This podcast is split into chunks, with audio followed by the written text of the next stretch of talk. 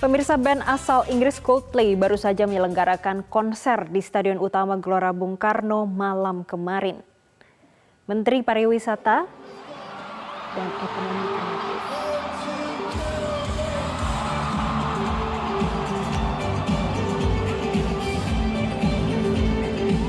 Ya pemirsa, Menteri Pariwisata dan Ekonomi Kreatif Sandiaga Uno menargetkan keuntungan dari konser tersebut mencapai 1,16 triliun rupiah atau sekitar 75 juta dolar.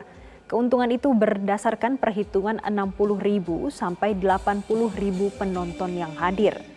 Menparekraf Sandiaga juga menilai perdagangan Maksud kami, kedatangan perdana Coldplay di Indonesia mampu mendongkrak jumlah wisatawan Nusantara dan wisatawan mancanegara sehingga bisa menggerakkan perekonomian.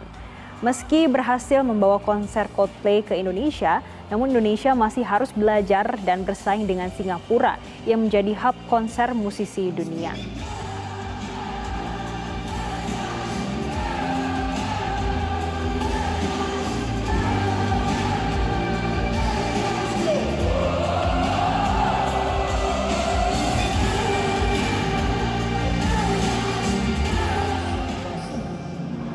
Rotina física.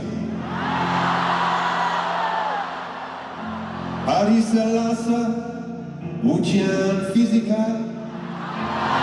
E aquela tchabia lulus.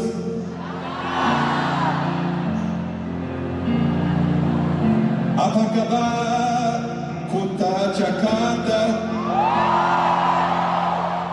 Boleto, Pincham, Stratus.